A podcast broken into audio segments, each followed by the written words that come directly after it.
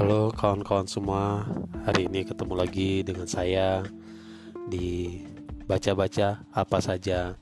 Kali ini kita akan membahas ataupun membaca buku The Black Swan. Rahasia terjadinya peristiwa-peristiwa langka yang tak terduga. Karya Nasim Nicholas Talib.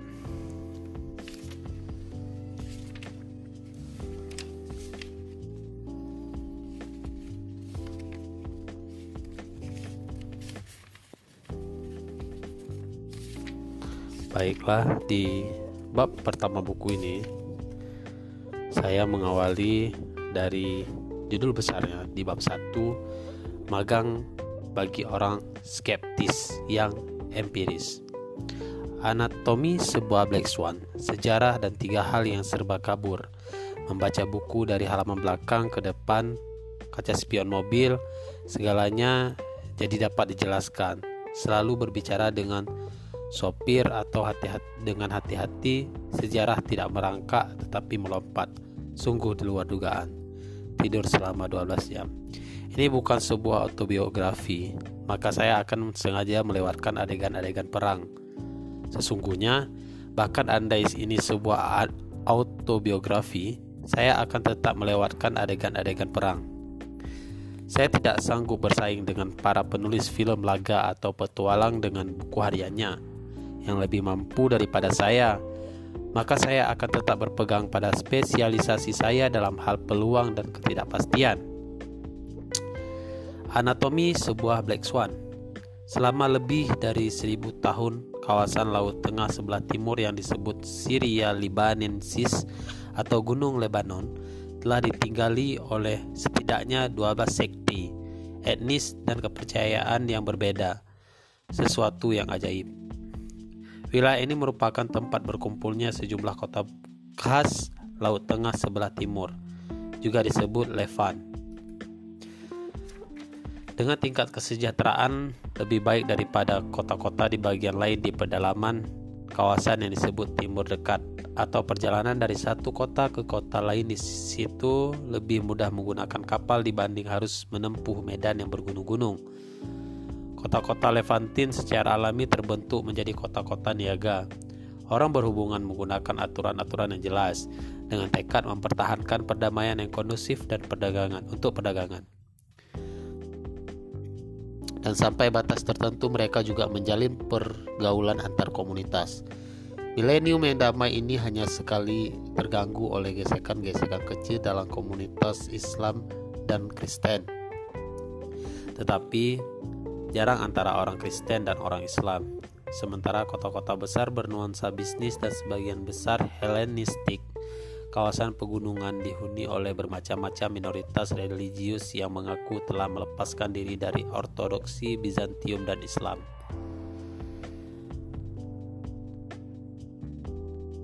Medan yang bergunung-gunung merupakan tempat persembunyian yang ideal dari kelompok-kelompok besar, kecuali bila musuh Anda adalah sesama pelarian yang kebetulan bersaing dalam menduduki sebentang lahan yang sama.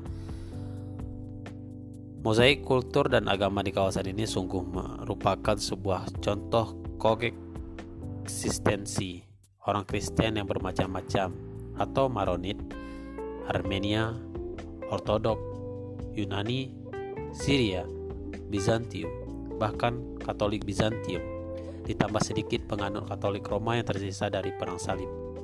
Islam atau Syiah dan Sunni, Druze, dan beberapa orang Yahudi. Tanpa bersusah payah orang di sana bisa belajar untuk saling menerima.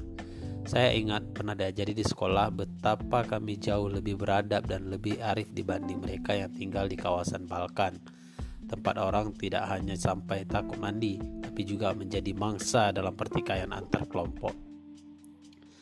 Segala sesuatu tampak dalam keadaan kesetimbangan yang stabil, yang berkembang dari kecenderungan sejarah untuk perbaikan dan toleransi. Istilah keseimbangan dan kesetimbangan sering digunakan di sini. Keluarga kedua orang tua saya berasal dari komunitas Yunani Syria, di sebuah kawasan yang dahulu merupakan benteng terluar Bizantium di Suriah sebelah utara, yang sekarang meliputi kawasan yang disebut Lebanon. Perhatikan bahwa orang Bizantium dahulu menyebut diri orang, orang Romawi atau Rumi atau bentuk zaman Rom dalam bahasa setempat. Kami berasal dari sebuah kawasan yang kaya dengan pohon zaitun di kaki gunung Lebanon.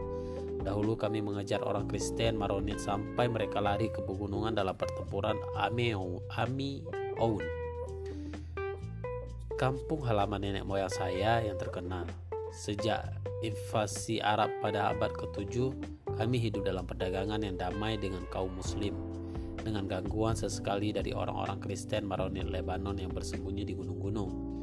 Dengan beberapa kesepakatan atau dalam arti yang sesungguhnya antara penguasa dan kekaisaran Bizantium. Kami harus membayar pajak ke kedua belah pihak dan memperoleh perlindungan dari kedua belah pihak pula. Karena itu, kami hidup dalam damai selama lebih dari seribu tahun, hampir tanpa pertumpahan darah. Masalah terakhir kami yang sesungguhnya adalah serangan-serangan pasukan Kristen dari Barat, bukan dari bangsa Arab yang Muslim. Bangsa Arab yang tampaknya hanya tertarik dengan perang atau atau dan puisi, dan orang Turki Utsmaniyah yang tampaknya hanya berkepentingan dengan perang dan kesenangan, membiarkan kami berkiprah dalam perniagaan dan pendidikan misalnya menerjemahkan naskah-naskah Arab dan Yunani. Sesuatu yang tidak begitu mengancam kekuasaan mereka. Berdasarkan standar apa pun, negara yang belakangan disebut Lebanon, tempat kami tiba-tiba berada sehabis keruntuhan Kesultanan Utsmaniyah. Pada awal abad ke-20, tampak seperti sebuah taman Firdaus yang mapan. Ia juga menjadi tempat dengan penduduk Kristen paling banyak orang tiba-tiba dicuci otak untuk percaya bahwa mereka sebuah bangsa yang berhak memiliki sebuah negara sendiri. Warga Kristen di sana meyakinkan diri bahwa mereka adalah awal dan pusat yang belakangan secara santai disebut sebagai kultur barat. Tetapi dengan sebuah jendela ke timur, dalam pola berpikir statis yang klasik, tak seorang pun ambil pusing soal perbedaan angka kelahiran antara komunitas yang satu dan yang lain maka dahulu orang mengira bahwa populasi dengan orang Kristen yang sedikit lebih banyak tidak akan berubah. Orang Levantin dahulu berhak memperoleh kewarganegaraan Roma. Ini yang memungkinkan. Santo Paulus, orang Suriah bisa berkelana dengan bebas ke seluruh dunia atau dunia zaman itu. Orang merasa orang merasa terhubung dengan segala sesuatu yang menurut mereka layak dihubungi. Tempat mereka seperti membuka diri selebar-lebarnya kepada dunia. Dengan gaya hidup yang sangat canggih, sangat sejahtera dan dengan iklim hampir sama dengan California dengan pegunungan-pegunungan bertudung salju tampak menjulang ketika dilihat dari Laut Tengah. Ini kawasan yang menarik sekali bagi kalangan mata-mata atau baik Soviet maupun Barat, pelacur atau yang berambut pirang, penulis, penyair, pedagang, obat terlarang, petualang, pejudi, kelas kakap, pemain tenis, penggemar kehidupan malam, dan pedagang semua profesi yang saling melengkapi. Banyak orang bertindak seolah-olah mereka berada dalam sebuah film James Bond lama atau pada masa ketika Playboy gemar merokok. Minum minum-minum dan alih-alih pergi ke pasar kebugaran. Lebih suka menjalin hubungan baik dengan penjahit yang baik. Semua atribut utama sebuah Taman Firdaus ada di sana. Sopir taksi di sana terkenal sopan, Walaupun berdasarkan ingatan saya mereka tidak sopan kepada saya. Betul, ketika kita melihatnya melalui kenangan masa silam, tempat itu barangkali terasa lebih seperti Elysium dibanding keadaan yang sesungguhnya. Dahulu saya terlalu muda untuk menikmati pesona tempat itu karena saya terlalu lekas tumbuh menjadi idealis pemberontak dan sejak kecil telah mengembangkan semangat kemiskinan. Membenci sifat pamer kekayaan serta merasa alergi terhadap budaya Levantin yang cenderung memuja kemewahan serta terobsesi dengan harta dan uang. Sebagai seorang remaja, saya tidak sabar menunggu kesempatan untuk bisa menetap sebuah menetap di sebuah kota besar yang hanya sedikit penduduknya yang bergaya James Bond. Saya teringat sesuatu yang sangat khusus di lingkungan kaum terpelajar itu. Saya bersekolah di sebuah sekolah Prancis yang terkenal sangat sukses dalam menghasilkan baccalaureate atau gelar yang setara dengan lulusan sekolah menengah Amerika, termasuk dalam mata pelajaran bahasa Prancis. Bahasa Prancis dipakai di sana dengan tingkat kemurnian yang tinggi, seperti di Rusia pada zaman sebelum revolusi kalangan Kristen dan Yahudi Levantin yang merasa turunan bangsawan. Dari Istanbul sampai Alexandria, berbicara dan menulis dalam bahasa Prancis yang formal untuk membedakan diri dari golongan lain. Siswa yang terpilih berhak dikirim ke Prancis, termasuk ayah ayah dari ayah saya yang namanya sama dengan nama saya pada tahun 1912 dan ayah dari ibu saya pada tahun 1929. 2000 tahun sebelumnya berangkat dari naluri bahwa bahasa membedakan kelas. Orang-orang Levantin yang tidak berkelas secara latah menulis dalam bahasa Yunani, bukan dalam bahasa Aram yang biasa mereka gunakan dalam percakapan. Atau kitab perjanjian baru atau kitab perjanjian baru ditulis dalam bahasa Yunani pasaran di ibu kota kami. Antioquia yang membuat Nietzsche dengan kesal berkata bahwa Tuhan berbicara dalam bahasa Yunani yang buruk. Sesudah pengaruh Helenisme surut, mereka berpaling ke bahasa Arab. Maka selain mendapatkan sebutan surga, tempat ini disebut sebagai titik pertemuan ajaib antara semua yang dalam bincang-bincang ringan disebut budaya timur dan budaya barat. Mungkin eh, untuk sesi kali ini saya hanya membacakan sampai halaman ketujuh atau barangkali cuma dua lembar, uh, tiga lembar. Uh, mungkin untuk ke depan kita akan uh, membahas tentang akan membacakan tentang konsekuen dalam jalan yang dipilih masih dengan buku yang sama The Black Swan. Terima kasih.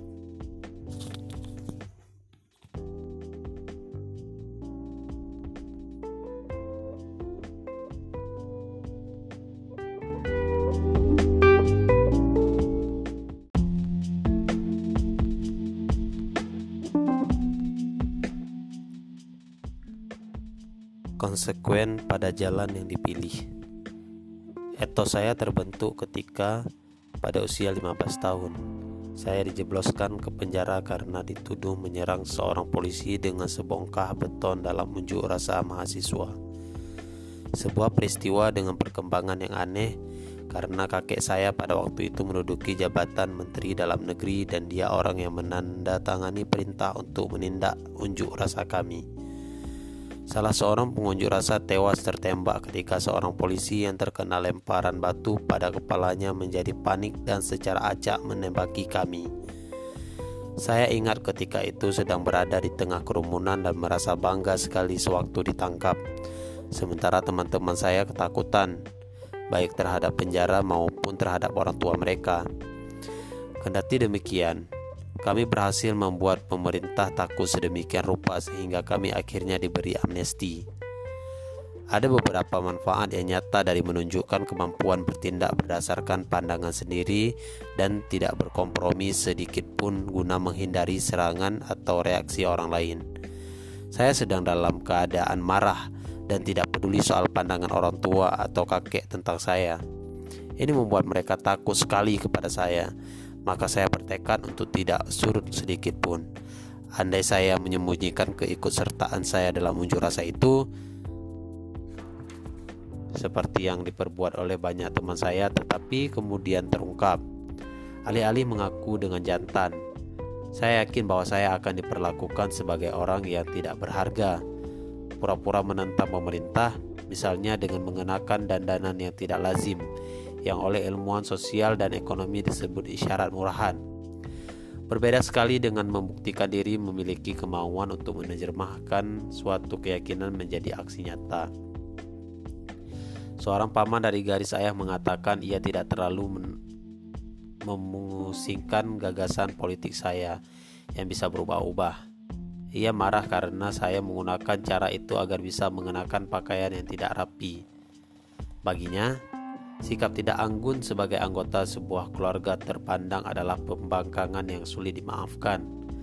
Penanggapan saya diketahui oleh khalayak ramai pun memiliki sebuah manfaat besar. Ini memungkinkan saya menghindar dari ciri-ciri luar yang lazim pada pemberontakan khas remaja. Saya menemukan bahwa jauh lebih efektif bertindak sebagai orang baik-baik dan berakal sehat jika Anda membuktikan kemampuan Anda untuk tidak sekadar banyak omong. Sesekali, anda dapat tampil dengan sikap bela rasa, santai, dan sopan jika itulah yang diharapkan dari Anda, tetapi jangan terlalu mau diatur. Anda boleh melawan hanya untuk menunjukkan bahwa Anda berhak menentukan jalan Anda sendiri. Surga yang menguap. Surga atau Taman Firdaus Lebanon tiba-tiba menguap. Sesudah beberapa butir peluru dan roket mulai berterba berterbangan di sana. Beberapa bulan setelah pengalaman saya di penjara, sesudah hampir 13 abad terjalin hidup bersama atar etnis yang luar biasa. Sebuah Black Swan yang datang entah dari mana telah mengubah tempat itu dari surga menjadi neraka sebuah perang saudara yang sengit berkecamuk antara golongan Kristen dan Islam, termasuk pengungsi Palestina yang berpihak ke golongan Islam. Perang itu brutal karena medan perang berada di tengah kota dan sebagian besar ditembak-menembak terjadi di daerah hunian SMA saya hanya beberapa puluh meter dari medan perang. Pertikaian tersebut berlangsung lebih dari 15 tahun. Saya tidak akan bercerita terlalu terperinci tentang perang itu. Agaknya penemuan bubuk mesiu dan senjata-senjata yang sangat dahsyat telah mengubah sesuatu yang pada zaman pedang hanya akan membentuk sebuah situasi tegang menjadi sebuah perang saling balas yang tak terkendali. Di samping mengakibatkan kehancuran fisik yang ternyata mudah dipulihkan berkat kehadiran sejumlah kontraktor yang mempunyai kepentingan khusus, politisi yang gemar suap, dan tokoh masyarakat yang naif Perang itu telah menghilangkan sebagian besar warisan kecanggihan yang telah menjadikan kota-kota Levantin terus menjadi pusat rujukan intelektual yang sempurna selama 3000 tahun. Kaum Kristen telah meninggalkan kawasan itu sejak Utsmania berkuasa. Mereka yang pindah ke barat lazim memasang nama barat di depan nama asli mereka. Kini eksodus mereka mengalami percepatan Jumlah orang berbudaya di kawasan ini turun sampai ke batas yang mengkhawatirkan. Tiba-tiba tempat ini menjadi sebuah ruang hampa.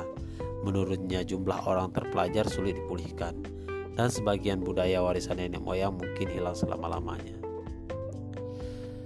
Malam yang berbintang. Lain kali jika tiba-tiba listrik padam pada malam hari, cobalah engkau menghidup menghibur, cobalah menghibur diri dengan pergi keluar rumah untuk memandang langit. Anda barangkali hanya bisa membayangkan situasi pada masa itu. Beirut telah seiring sering kehilangan aliran listrik selama ber, perang berkecamuk. Sebelum orang membeli generator mereka sendiri, salah satu sisi langit jernih sekali pada malam hari karena tidak ada polusi cahaya. Itu bagian kota yang paling jauh dari medan perang. Orang-orang yang tidak bisa menonton televisi biasanya tergerak untuk menonton kilatan-kilatan cahaya yang berasal dari perang malam. Mereka tampaknya lebih suka menanggung risiko terkena pecahan mortir daripada harus melewati malam gelap yang membosankan. Maka Anda dapat melihat bintang-bintang dengan jelas sekali di sekolah saya pernah diberitahu bahwa planet-planet adalah sistem yang berada dalam kesetimbangan. Maka kita tidak usah cemas karena benda-benda angkasa itu tidak akan tiba-tiba menghantam bumi. Bagi saya ketika itu ketika itu situasi tersebut secara mengerikan mengingatkan saya kepada cerita-cerita yang juga pernah diberikan tentang stabilitas sejarah Lebanon yang unik. Gagasan yang sama tentang kesetimbangan itu meresahkan saya. Saya memandangi rasi rasi bintang di langit tanpa tahu apa yang harus dipercayai.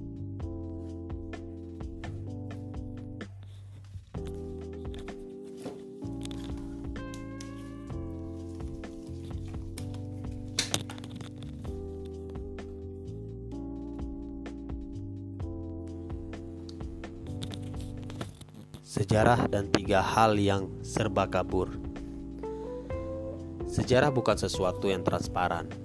Anda melihat yang telah terjadi, bukan tulisan yang menghasilkan peristiwa-peristiwa yang membangkitkan sejarah. Anda ada ketidaklengkapan yang mendasar dalam pemahaman Anda terhadap peristiwa-peristiwa seperti itu, karena Anda tidak melihat apa yang ada di dalam kota, bagaimana mekanismenya bekerja, yang saya sebut pembangkit peristiwa-peristiwa sejarah berbeda bekerja yang yang saya sebut pembangkit peristiwa-peristiwa sejarah berbeda dengan peristiwa-peristiwa itu sendiri sama seperti pikiran dewa-dewa tidak dapat dibaca hanya dengan menyaksikan ulah mereka. Anda sangat mungkin untuk terkecoh oleh tujuan mereka yang sesungguhnya. Diskoneksi ini mirip dengan perbedaan antara makanan yang Anda lihat di atas meja di restoran dan proses yang teramati oleh Anda di dapur. Terakhir kali saya mampir ke sebuah restoran Cina di Canal Street di pusat kota Manhattan, saya melihat seekor tikus keluar dari dapur. Pikiran manusia mempunyai tiga kekurangan ketika harus berurusan dengan sejarah. Kekurangan yang saya sebut triplet of opacity.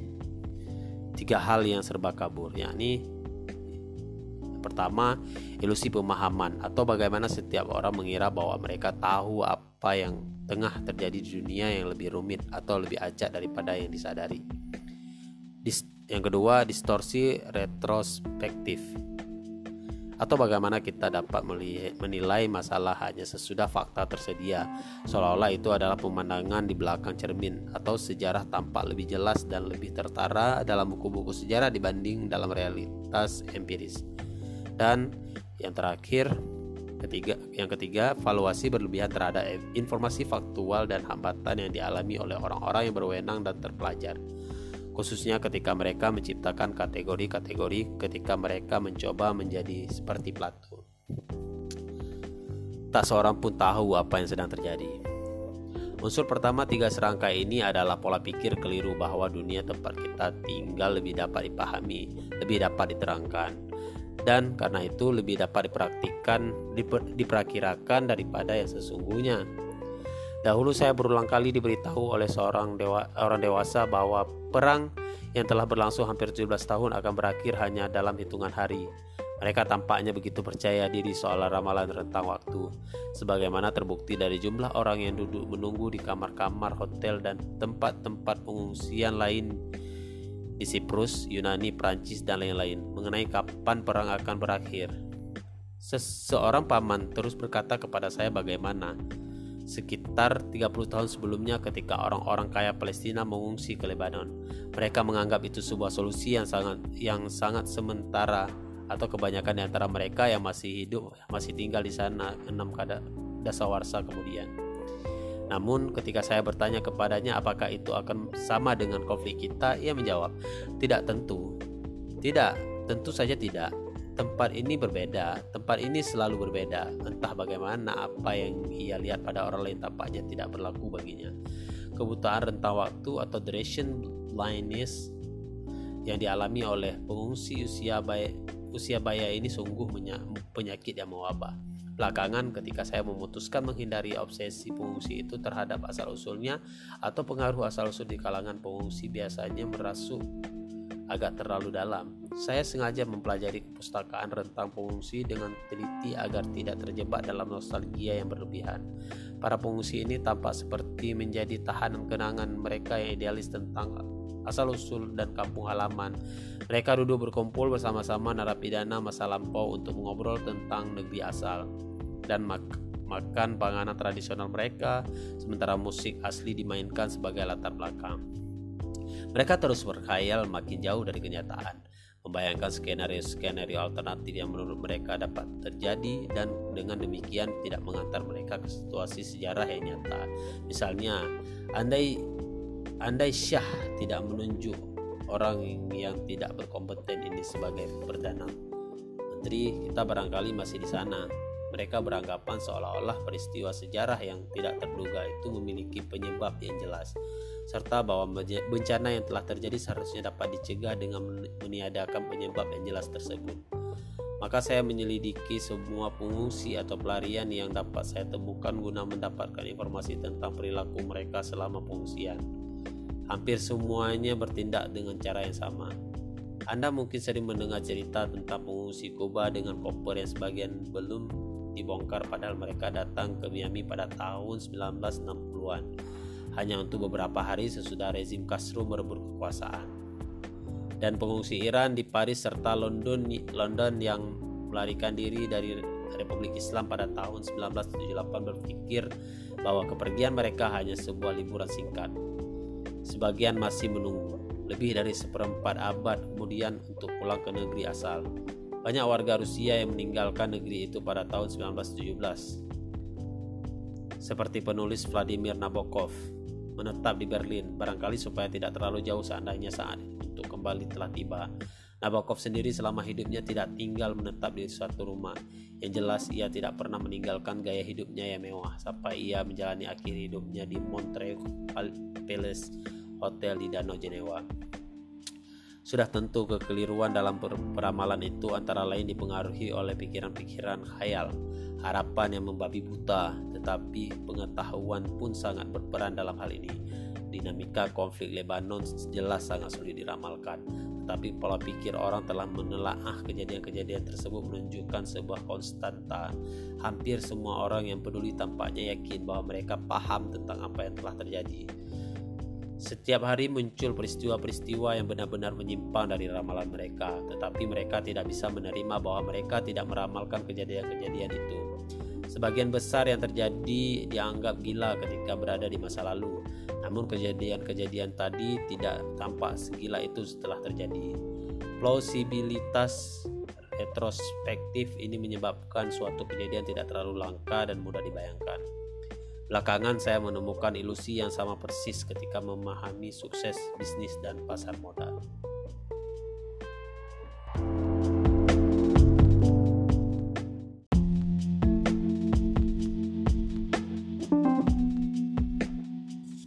Lanjutan buku The Black Swan karya Nasim Nicholas Talib. Sejarah tidak merangkak tetapi melompat.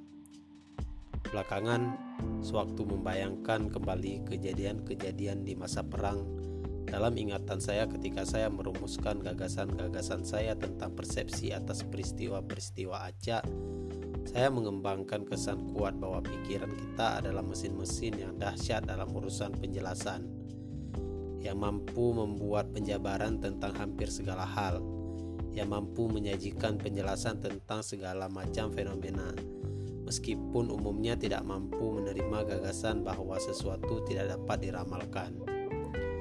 Peristiwa-peristiwa ini tidak dapat diterangkan, tetapi orang-orang yang pandai merasa mampu menyediakan penjelasan yang meyakinkan tentang semuanya sesudah kejadian.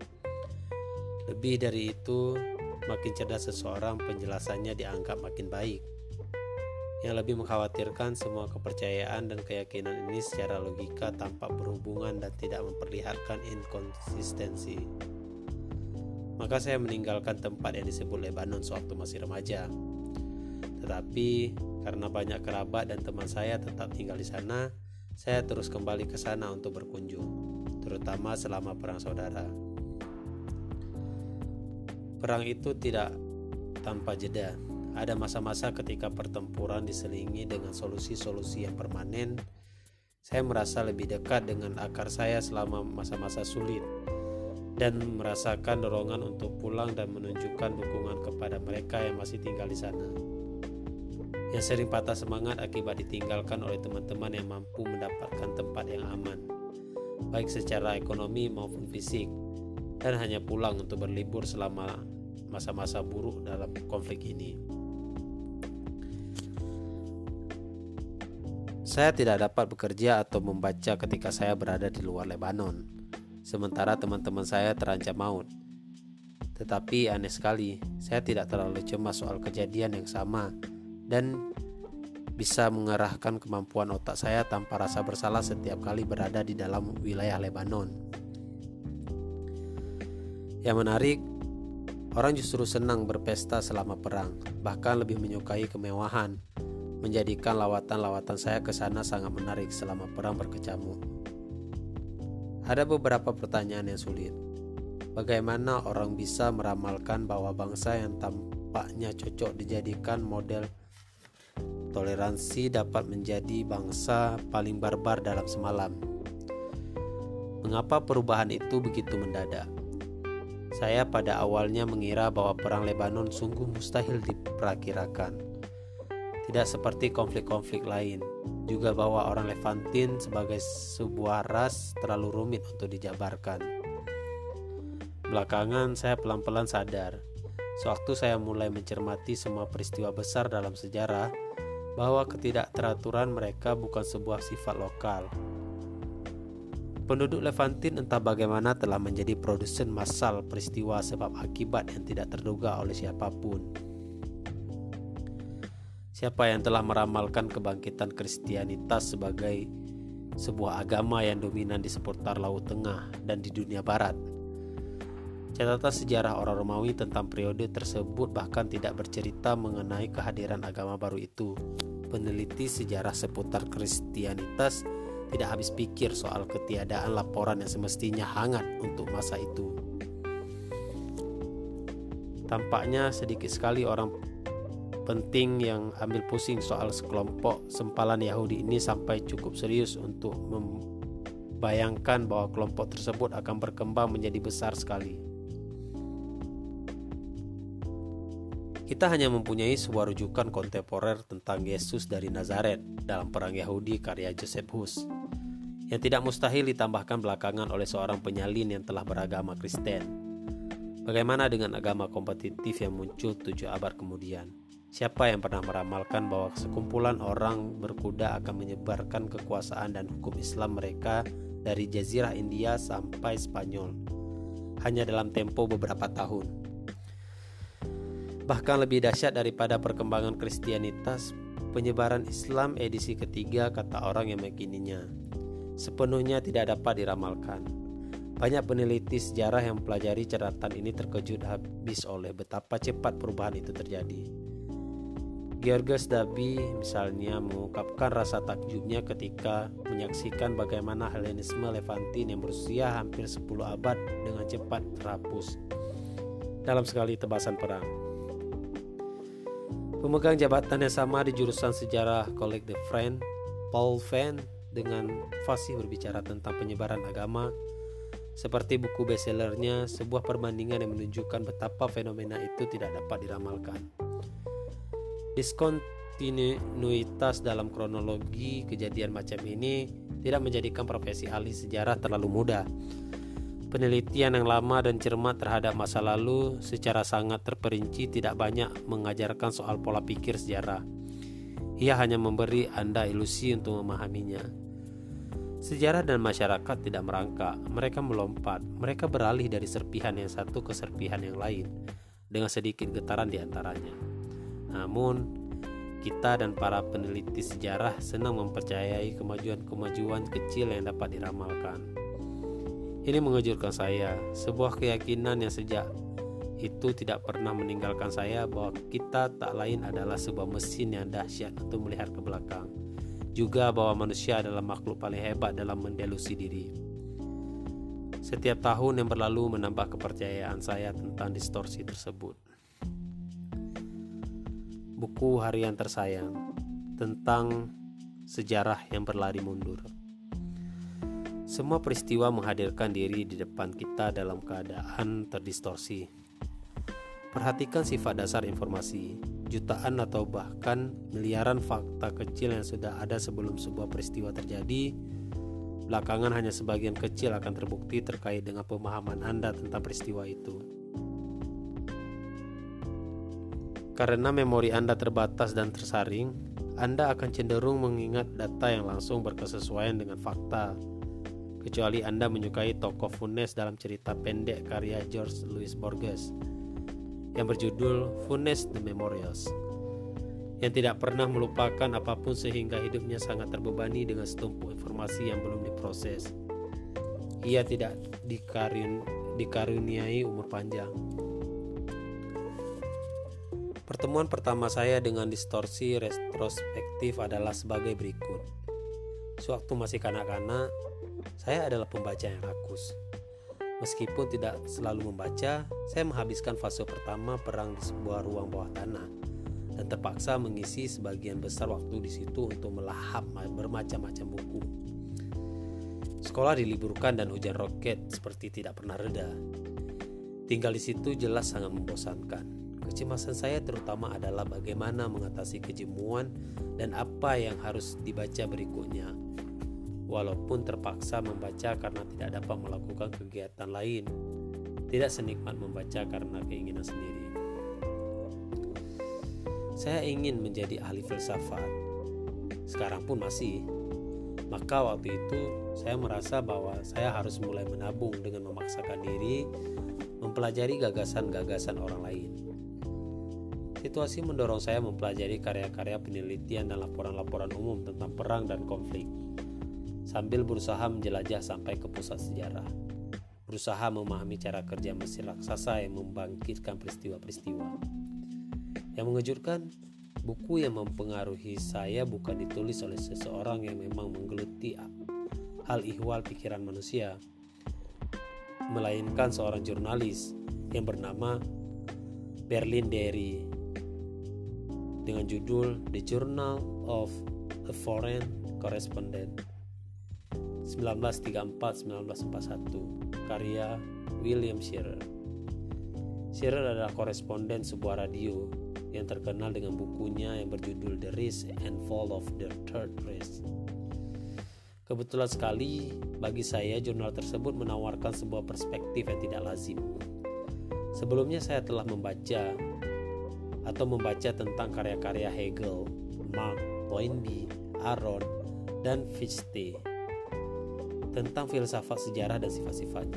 Kemudian berpikir bahwa saya tidak tahu banyak tentang konsep-konsep dialektika sampai ke tingkat yang membuat saya terdorong untuk memahami teori-teori tersebut.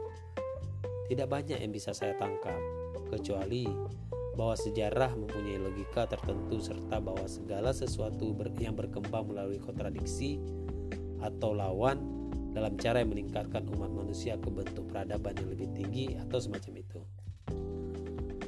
Hal ini terdengar mirip dengan teori-teori yang pernah saya baca mengenai perang di Lebanon. Sampai hari ini, saya terus mengejutkan orang-orang yang mengajukan pertanyaan konyol kepada saya tentang buku apa yang telah membentuk pikiran saya. Saya berkata kepada mereka bahwa buku ini telah mengajari saya, walaupun tidak disengaja, paling banyak tentang filsafat, dan sejarah teoretis. Dan seperti akan kita saksikan juga tentang sains karena dari situ saya belajar tentang perbedaan antara proses maju dan mundur. Bagaimana sederhananya buku harian memang dimaksudkan untuk menggambarkan kejadian-kejadian sewaktu sedang terjadi, bukan sesudahnya. Saya sedang berada di sebuah ruang bawah tanah, sementara sejarah dengan suara kencang tengah menyingkapkan diri di atas saya. Bunyi ledakan bom membuat saya terjaga sepanjang malam. Saya remaja yang pernah menghadiri upacara penguburan teman-teman kelas sendiri. Saya pernah mengalami penyingkapan sejarah yang bukan cuma teori dan saya pun ketika itu sedang membaca pengalaman orang lain yang pernah mengalami sendiri sejarah serupa dalam hidupnya. Waktu itu saya berusaha menggunakan pikiran saya untuk membuat sebuah representasi mirip film tentang masa mendatang dan sadar bahwa hasilnya tidak begitu jelas. Saya sadar bahwa jika saya baru menulis tentang kejadian-kejadian itu beberapa saat kemudian tulisan itu tampaknya akan lebih seperti sejarah. Dalam hal ini ada perbedaan antara sebelum dan sesudah. Buku harian itu sengaja ditulis ketika Shearer belum tahu tentang apa yang akan terjadi berikutnya ketika informasi yang tersedia baginya belum dikorupsi oleh hasil-hasil yang diperoleh belakangan. Beberapa komentar di sana-sini membuat pembaca lebih paham, khususnya tentang keyakinan orang Prancis bahwa fenomena Hitler adalah sebuah fenomena yang fana. Hal ini menerangkan mengapa mereka tidak memiliki persiapan dan karena itu takluk dengan cepat sekali.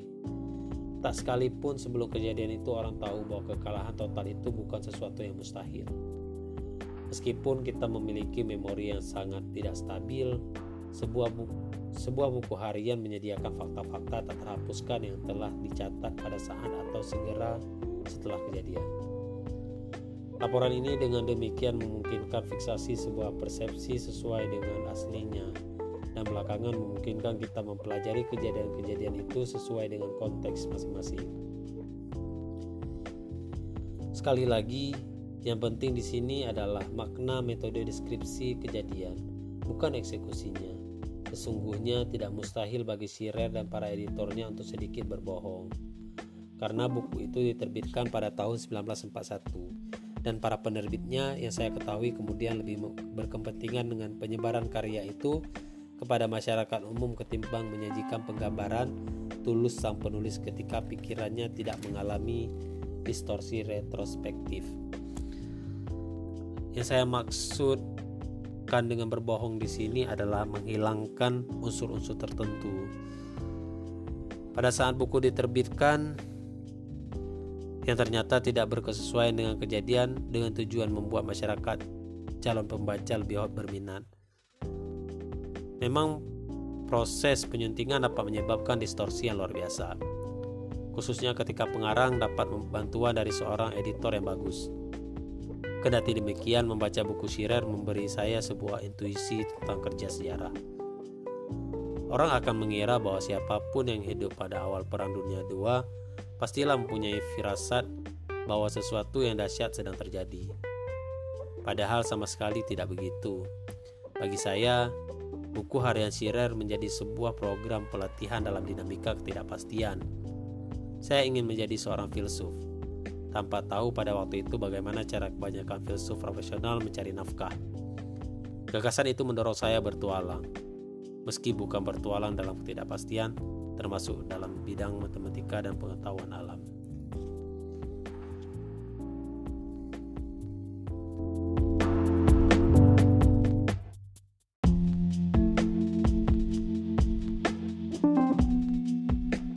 Lanjutan buku The Black Swan, karya Nasim Nicholas Talib. Pendidikan dalam sebuah taksi. Saya ingin memperkenalkan unsur ketiga dalam tiga serangkai ini, sisi negatif pembelajaran sebagai berikut. Saya pernah mencermati kakek saya yang pernah menjadi Menteri Pertahanan dan belakangan menjadi Menteri Dalam Negeri dan Wakil Perdana Menteri di awal meletusnya perang. Sebelum karir politiknya meredup, meskipun punya jabatan tinggi, dia tampaknya tak lebih tahu dibandingkan sopir pribadinya, Mikhail. Namun, tidak seperti kakek saya, Mikail biasa mengulang ungkapan Allah Maha Tahu ketika diminta berkomentar tentang suatu kejadian, mengalihkan tugas untuk memahami sesuatu kepada yang di atas. Saya melihat bahwa orang-orang yang sangat cerdas dan terpelajar pada dasarnya tidak lebih unggul daripada sopir-sopir taksi dalam membuat prediksi tetapi ada perbedaan yang sangat penting di antara mereka. Sopir taksi tidak percaya bahwa pemahaman mereka sama dengan pemahaman orang-orang terpelajar. Mereka tahu sekali bahwa mereka bukan pakar. Tidak ada orang yang tahu tentang segala sesuatu, tetapi para pemikir elit mengira bahwa mereka tahu lebih banyak dibanding makhluk-makhluk lain karena mereka adalah pemikir elit. Dan kalau Anda termasuk dalam sebuah kelompok elit, anda secara otomatis tahu lebih banyak daripada yang bukan anggota kelompok elit. Selain pengetahuan, informasi pun dapat menjadi sesuatu yang meragukan. Saya sempat memperhatikan bahwa hampir setiap orang tahu tentang peristiwa-peristiwa saat ini secara sangat terperinci. Overlap antara surat kabar satu dan surat kabar lain begitu besar sehingga Anda akan memperoleh informasi justru lebih sedikit ketika semakin banyak Anda membaca. Namun, setiap orang begitu ingin menjadi akrab dengan setiap fakta sehingga mereka membaca setiap dokumen yang baru dicetak dan mendengarkan semua stasiun radio seolah-olah jawaban yang dahsyat akan diungkapkan bagi mereka dalam pemberitaan selanjutnya. Orang-orang menjadi ensiklopedia tentang siapa telah bertemu dengan siapa dan politisi mana mengatakan apa kepada politisi lain dan dengan nada suara seperti apa. Apakah ia lebih akrab daripada biasanya? Namun tidak ada manfaatnya. Pengotak ngotakan saya juga memperhatikan selama perang Lebanon bahwa para wartawan cenderung bergerombol tidak hanya seputar pandangan-pandangan yang sama, tetapi sering juga seputar kerangka analisis yang sama. Mereka menetapkan tingkat kepentingan yang sama terhadap kumpulan kumpulan situasi yang sama dan memasukkan realitas ke dalam kategori-kategori yang sama. Sekali lagi ini manifestasi platonisitas. Keinginan untuk menjejalkan realitas ke dalam bentuk-bentuk yang mudah dicerna. Selanjutnya apa yang oleh Robert Fish disebut di jurnal, jurnalisme hotel menambah penularan mental tersebut. Sementara Lebanon dalam jurnalisme terdahulu adalah bagian dari kawasan yang disebut Levan. yakni bagian timur Laut Tengah. Sekarang tiba-tiba menjadi bagian dari Timur Tengah, seolah-olah ada orang yang berusaha memindahkannya lebih dekat ke gurun pasir Arab Saudi. Pulau Siprus sekitar 90 km dari kampung halaman saya di Lebanon sebelah utara. Dengan makanan, gereja, dan adat istiadat hampir sama. Tiba-tiba menjadi bagian dari Eropa atau tentu saja penduduknya baik di Siprus Barat maupun Timur belakangan terkondisikan oleh pandangan tersebut. Sementara di masa lampau orang telah membuat pembedaan antara kawasan Laut Tengah dan dan bukan laut dan bukan laut tengah yakni antara negeri minyak zaitun dan negeri mentega.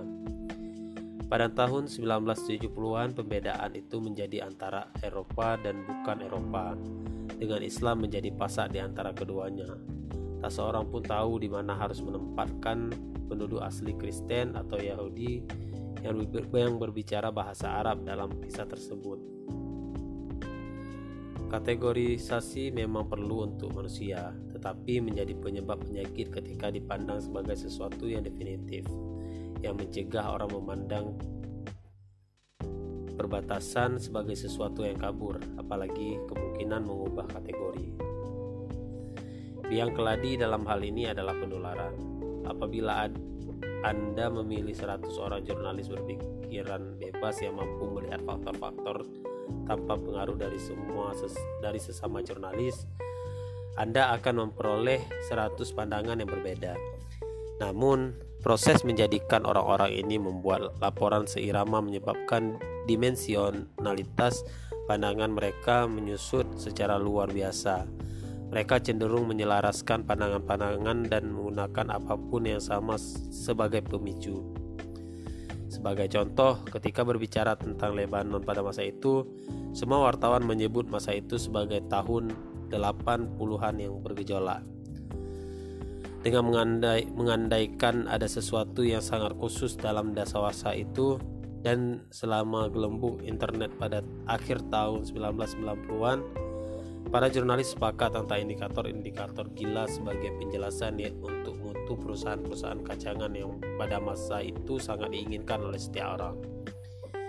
Jika Anda ingin melihat apa yang saya maksudkan dengan kategori yang sembarangan itu, coba perhatikan situasi politik yang terpolarisasi Apabila suatu ketika makhluk Mars berkunjung ke bumi, cobalah menjelaskan kepadanya mengapa mereka lebih suka mengizinkan pemusnahan janin dalam rahim seorang ibu, juga menentang hukuman mati. Atau cobalah menerangkan kepadanya mengapa mereka yang menerima aborsi dianggap pasti mendukung pengenaan pajak tinggi tetapi menentang militer militerisme.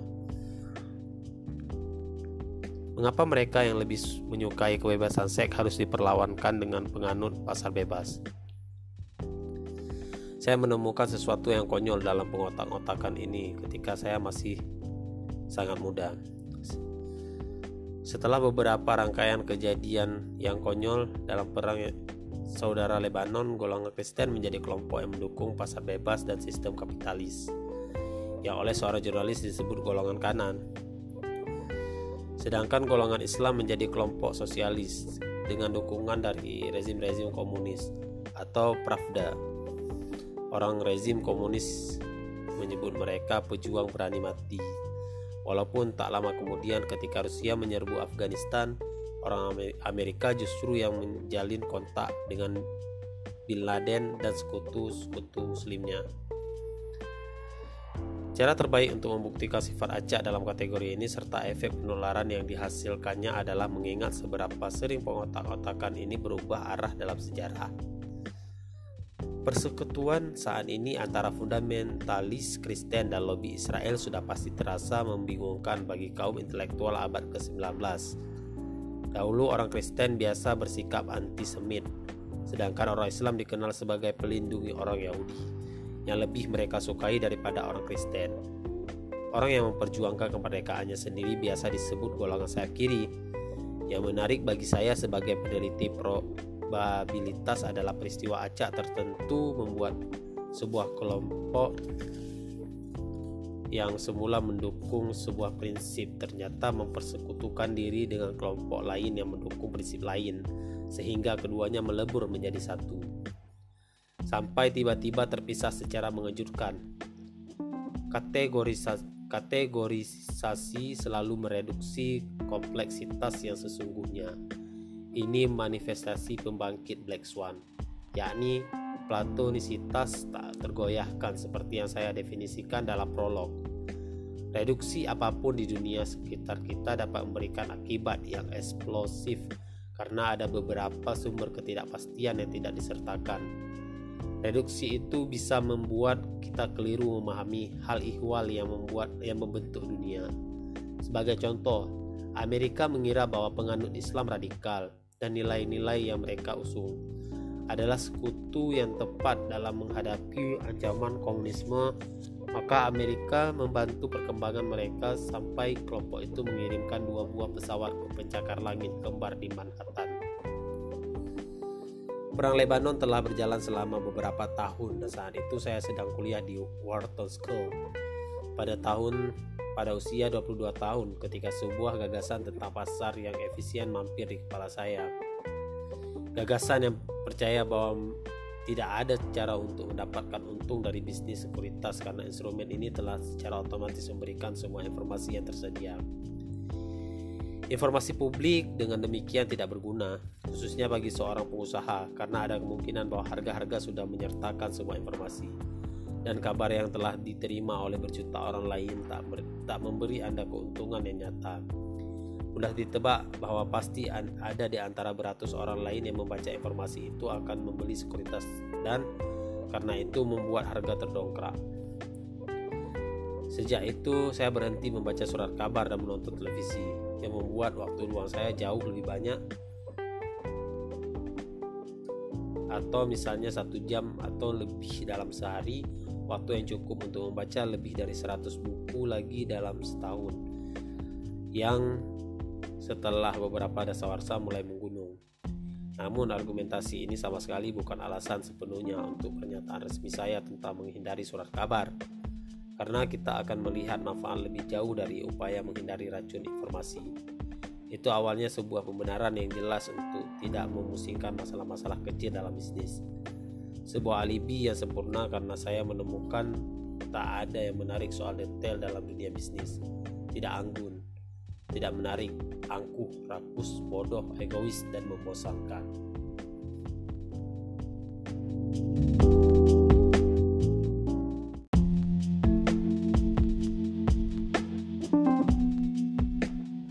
Lanjutan buku The Black Swan, karya Nasim Nicholas Talib. Mana pertunjukannya? Mengapa seseorang yang mempunyai rencana untuk menjadi seorang filsuf atau lebih tepat ingin menjadi filsuf sejarah yang ilmiah ternyata terdampar di sekolah bisnis atau tepatnya di Wharton School? Masih belum saya pahami. Di situ saya melihat bahwa penyebabnya bukan hanya ulah beberapa politisi iseng di sebuah negeri yang kecil dan antik yang tidak tahu apa yang sedang terjadi Bagaimanapun, orang-orang di negara kecil memang diharapkan tidak tahu apa yang sedang terjadi. Yang saya lihat adalah bahwa di salah satu sekolah bisnis paling bergengsi di dunia, di negara yang paling berjaya dalam sejarah dunia, eksekutif di perusahaan-perusahaan yang paling berkuasa berdatangan untuk bercerita tentang apa yang mereka kerjakan untuk mencari nafkah. Dan tidak mustahil mereka pun tidak tahu apa yang sedang terjadi. Yang jelas, dalam pikiran saya, peristiwa ini jauh lebih dari sekadar sebuah kemungkinan. Saya merasakan pada tulang punggung saya ada beban dari arogansi umat manusia yang epistemik. Saya menjadi obsesif. Pada waktu itu, saya mulai menjadi sadar tentang subjek saya, peristiwa berpengaruh yang sangat mustahil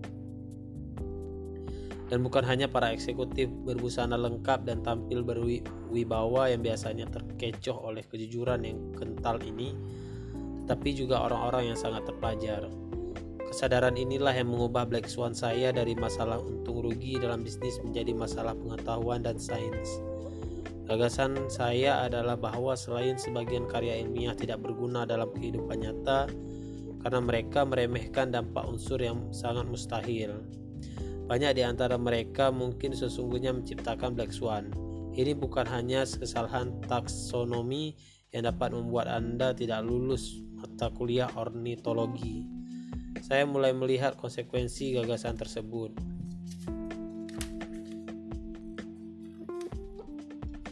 8 3 per 4 pon kemudian empat setengah tahun setelah lulusan dari Wharton pada 19 Oktober 1987 saya berjalan kaki pulang dari kantor saya di di bank investasi kredit Swiss First Boston di Midtown Manhattan ke Upper East Side saya berjalan pelan-pelan karena saya dalam keadaan bingung Hari itu saya melihat sebuah peristiwa finansial yang traumatik, kehancuran pasar paling besar dalam sejarah modern.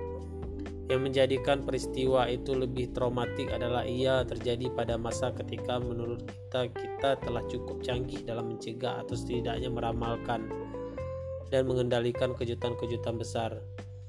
Terlebih dengan kehadiran para ekonom yang pandai bicara dan telah di platonifikasi dengan persamaan berbasis kurva mirip lonceng mereka.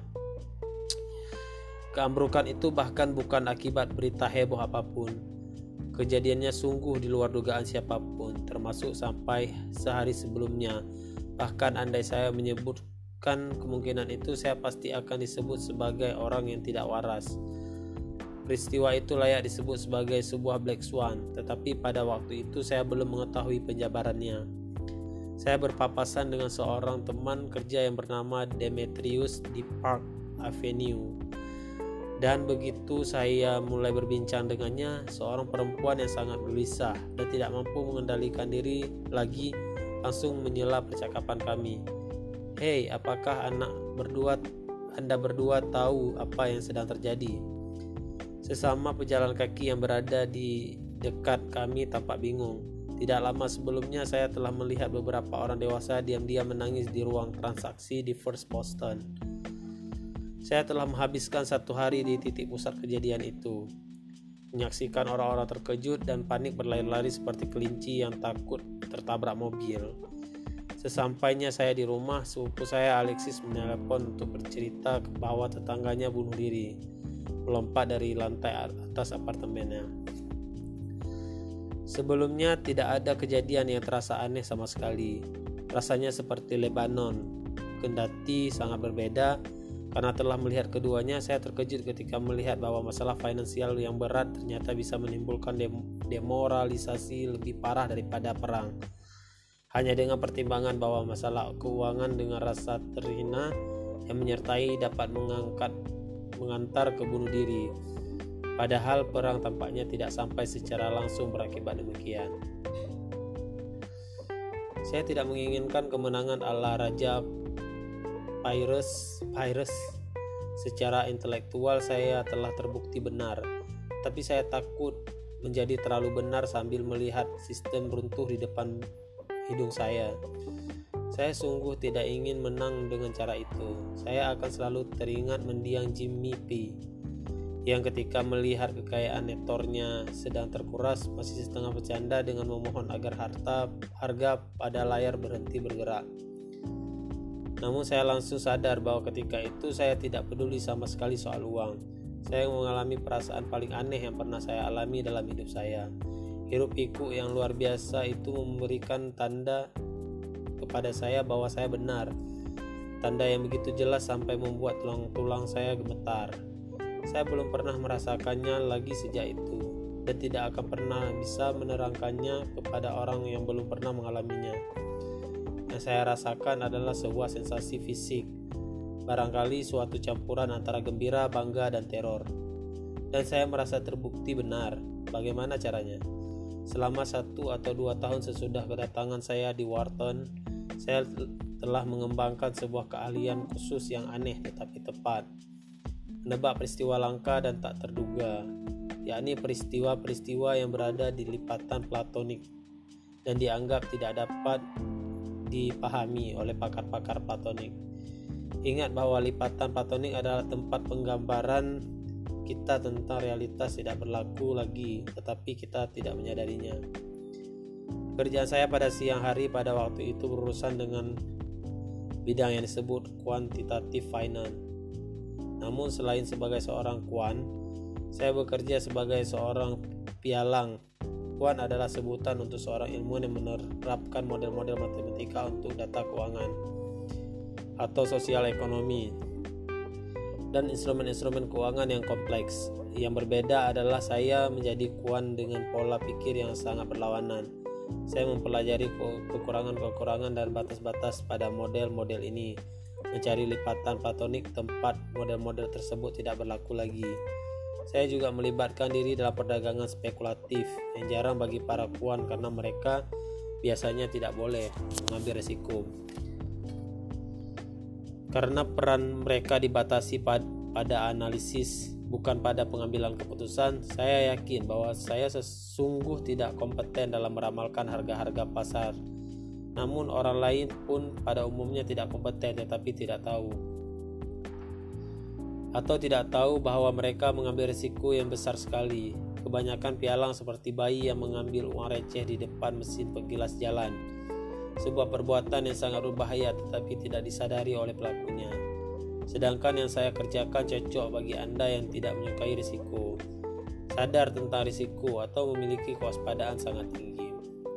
Begitu pula kelengkapan teknik yang dimiliki oleh seorang kuan perpaduan antara matematika terapan, engineering, dan statistik. Selain ketekunan dalam bekerja, ternyata berguna sekali bagi seseorang yang ingin menjadi filsuf. Pertama, ketika Anda menghabiskan beberapa dasawarsa untuk melakukan kerja empiris besar-besaran terhadap data dan mengambil risiko-risiko berdasarkan studi-studi tersebut, Anda dapat dengan mudah menemukan unsur-unsur dalam tekstur dunia yang tidak berani dilihat oleh para pemikir, ala Plato akibat cuci otak yang kelewat sukses. Kedua, pengalaman ini memungkinkan saya menjadi orang yang formal dan sistematik, sistematik dalam berpikir alih-alih terbuai dalam dunia komedi. Akhirnya, baik filsafat sejarah maupun epistemologi filsafat pengetahuan tampaknya tak terpisahkan dari studi empiris terhadap time series data, yakni deret, bila, deret bilangan terhadap waktu, semacam dokumen sejarah berisi bilangan-bilangan, bukan kata. Dan bilangan relatif mudah diolah menggunakan komputer. Mempelajari data sejarah membuat Anda sadar bahwa sejarah bergerak maju bukan mundur juga bahwa data sejarah lebih membingungkan daripada laporan dalam bentuk narasi. Epistemologi, filsafat sejarah dan statistik dimaksudkan untuk memahami kebenaran, menyelidiki mekanisme-mekanisme yang membangkitkannya dan memisahkan keteraturan dari kebetulan dalam perkara sejarah. Semua instrumen ini ditujukan untuk menjawab pertanyaan tentang yang telah diketahui oleh seseorang kecuali bahwa semuanya ditemukan di bangunan berbeda atau semacam itu. Kata empat huruf yang menyiratkan kemerdekaan. Malam itu, pada 19 Oktober 1987, saya tidur pula selama 12 jam. Sulit bercerita kepada teman-teman saya yang semuanya resah akibat musibah itu. Tentang perasaan yang meluap-luap karena pendapat saya terbukti benar. Bonus pada waktu itu hanya satu persekian dari yang diberikan sekarang tapi kalau tempat saya bekerja, First Boston dan sistem keuangan yang ada mampu bertahan hidup sampai akhir tahun. Saya akan mendapatkan uang senilai sebuah beasiswa. Ini kadang-kadang disebut fuck you money yang terlepas dari kesan kasarnya. Itu mengandung arti bahwa uang tersebut memungkinkan Anda bergaya seperti orang kaya zaman Victoria, bebas dari perbudakan. Secara psikologis, ini semacam penghiburan. Uang yang didapatkan tidak terlalu besar untuk menjadikan Anda kaya raya, tetapi cukup besar untuk memberi Anda kebebasan memilih pekerjaan baru tanpa berpikir terlalu berat soal imbalan yang akan diperoleh. Dana itu melindungi Anda dari melacurkan otak Anda dan membebaskan Anda dari otoritas luar, otoritas luar apa pun. Kemerdekaan itu khas bagi setiap orang, saya selalu terkejut ketika mengetahui betapa banyak orang yang berpenghasilan sangat tinggi cenderung makin penurut sewaktu mereka semakin bergantung pada klien dan pemberi kerja dan semakin ketagihan untuk mencetak lebih banyak uang. Meskipun tidak terlalu penting menurut standar apa pun, uang itu secara harfiah menjadi pengobat bagi saya untuk memenuhi semua ambisi finansial. Membuat saya merasa malu setiap kali saya menelantarkan studi saya untuk mengejar kekayaan materi. Perhatikan bahwa penyebutan fuck ter terkait dengan kemampuan untuk mengucapkan frasa yang mantap itu secara lepas sebelum akhiri telepon. Ada hari-hari ketika saya lazim bagi pialang untuk membanting telepon setiap kali mereka kehilangan uang. Ada yang melampiaskan kekesalan dengan cara membanting kursi, menggebrak meja, atau apa pun yang bisa membuat heboh. Suatu kali di bursa saham Chicago, seorang pialang lain pernah mencoba mencekik saya dan perlu empat orang penjaga keamanan untuk menariknya pergi. Ia marah besar karena saya berdiri di tempat yang menurut dia adalah wilayahnya. Siapa yang ingin meninggalkan lingkungan seperti itu? Bandingkan itu dengan sa santap sa santap siang di sebuah kantin universitas yang tanpa daya tarik sama sekali dengan dosen-dosen yang sibuk membahas intrik-intrik terbaru di apartemen mereka di departemen mereka. Maka saya tetap bekerja baik sebagai kuan maupun sebagai pialang sampai sekarang pun masih. Tetapi mengorganisasi diri untuk bekerja sedikit mungkin dengan hasil sebesar-besarnya dan menyenangkan. Memusatkan perhatian hanya kepada aspek-aspek yang paling teknis, tidak pernah menghadiri rapat-rapat bisnis, menghindari orang-orang berprestasi di perusahaan dan orang berbusana formal yang tidak membaca buku, dan mengambil cuti panjang tahunan setiap tiga tahun untuk mengisi kesenjangan dalam budaya ilmiah dan filosofis saya. Agar pelan-pelan dapat menyempurnakan gagasan tunggal saya, saya ingin menjadi seorang flaneur, mediator profesional yang duduk di kafe, duduk di lobi, tidak harus terus duduk di belakang meja, tidak terikat oleh struktur organisasi, bisa tidur selama yang saya inginkan, bisa membaca sebanyak-banyaknya dan tidak wajib melapor kepada siapa pun. Saya ingin sendirian agar dapat memperoleh kemajuan bertahap sedikit demi sedikit dalam membangun sebuah sistem lengkap berdasarkan gagasan Black Swan saya.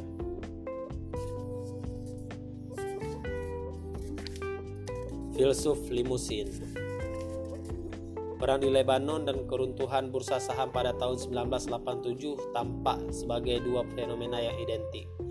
Menjadi jelas bagi saya bahwa hampir setiap orang mempunyai titik-titik titik buta mental dalam mengenali per, peran peristiwa-peristiwa seperti itu. Situasinya seperti ketika orang entah mengapa tidak melihat kehadiran makhluk raksasa di depan mereka atau melihat tetapi dengan cepat melupakan semua itu.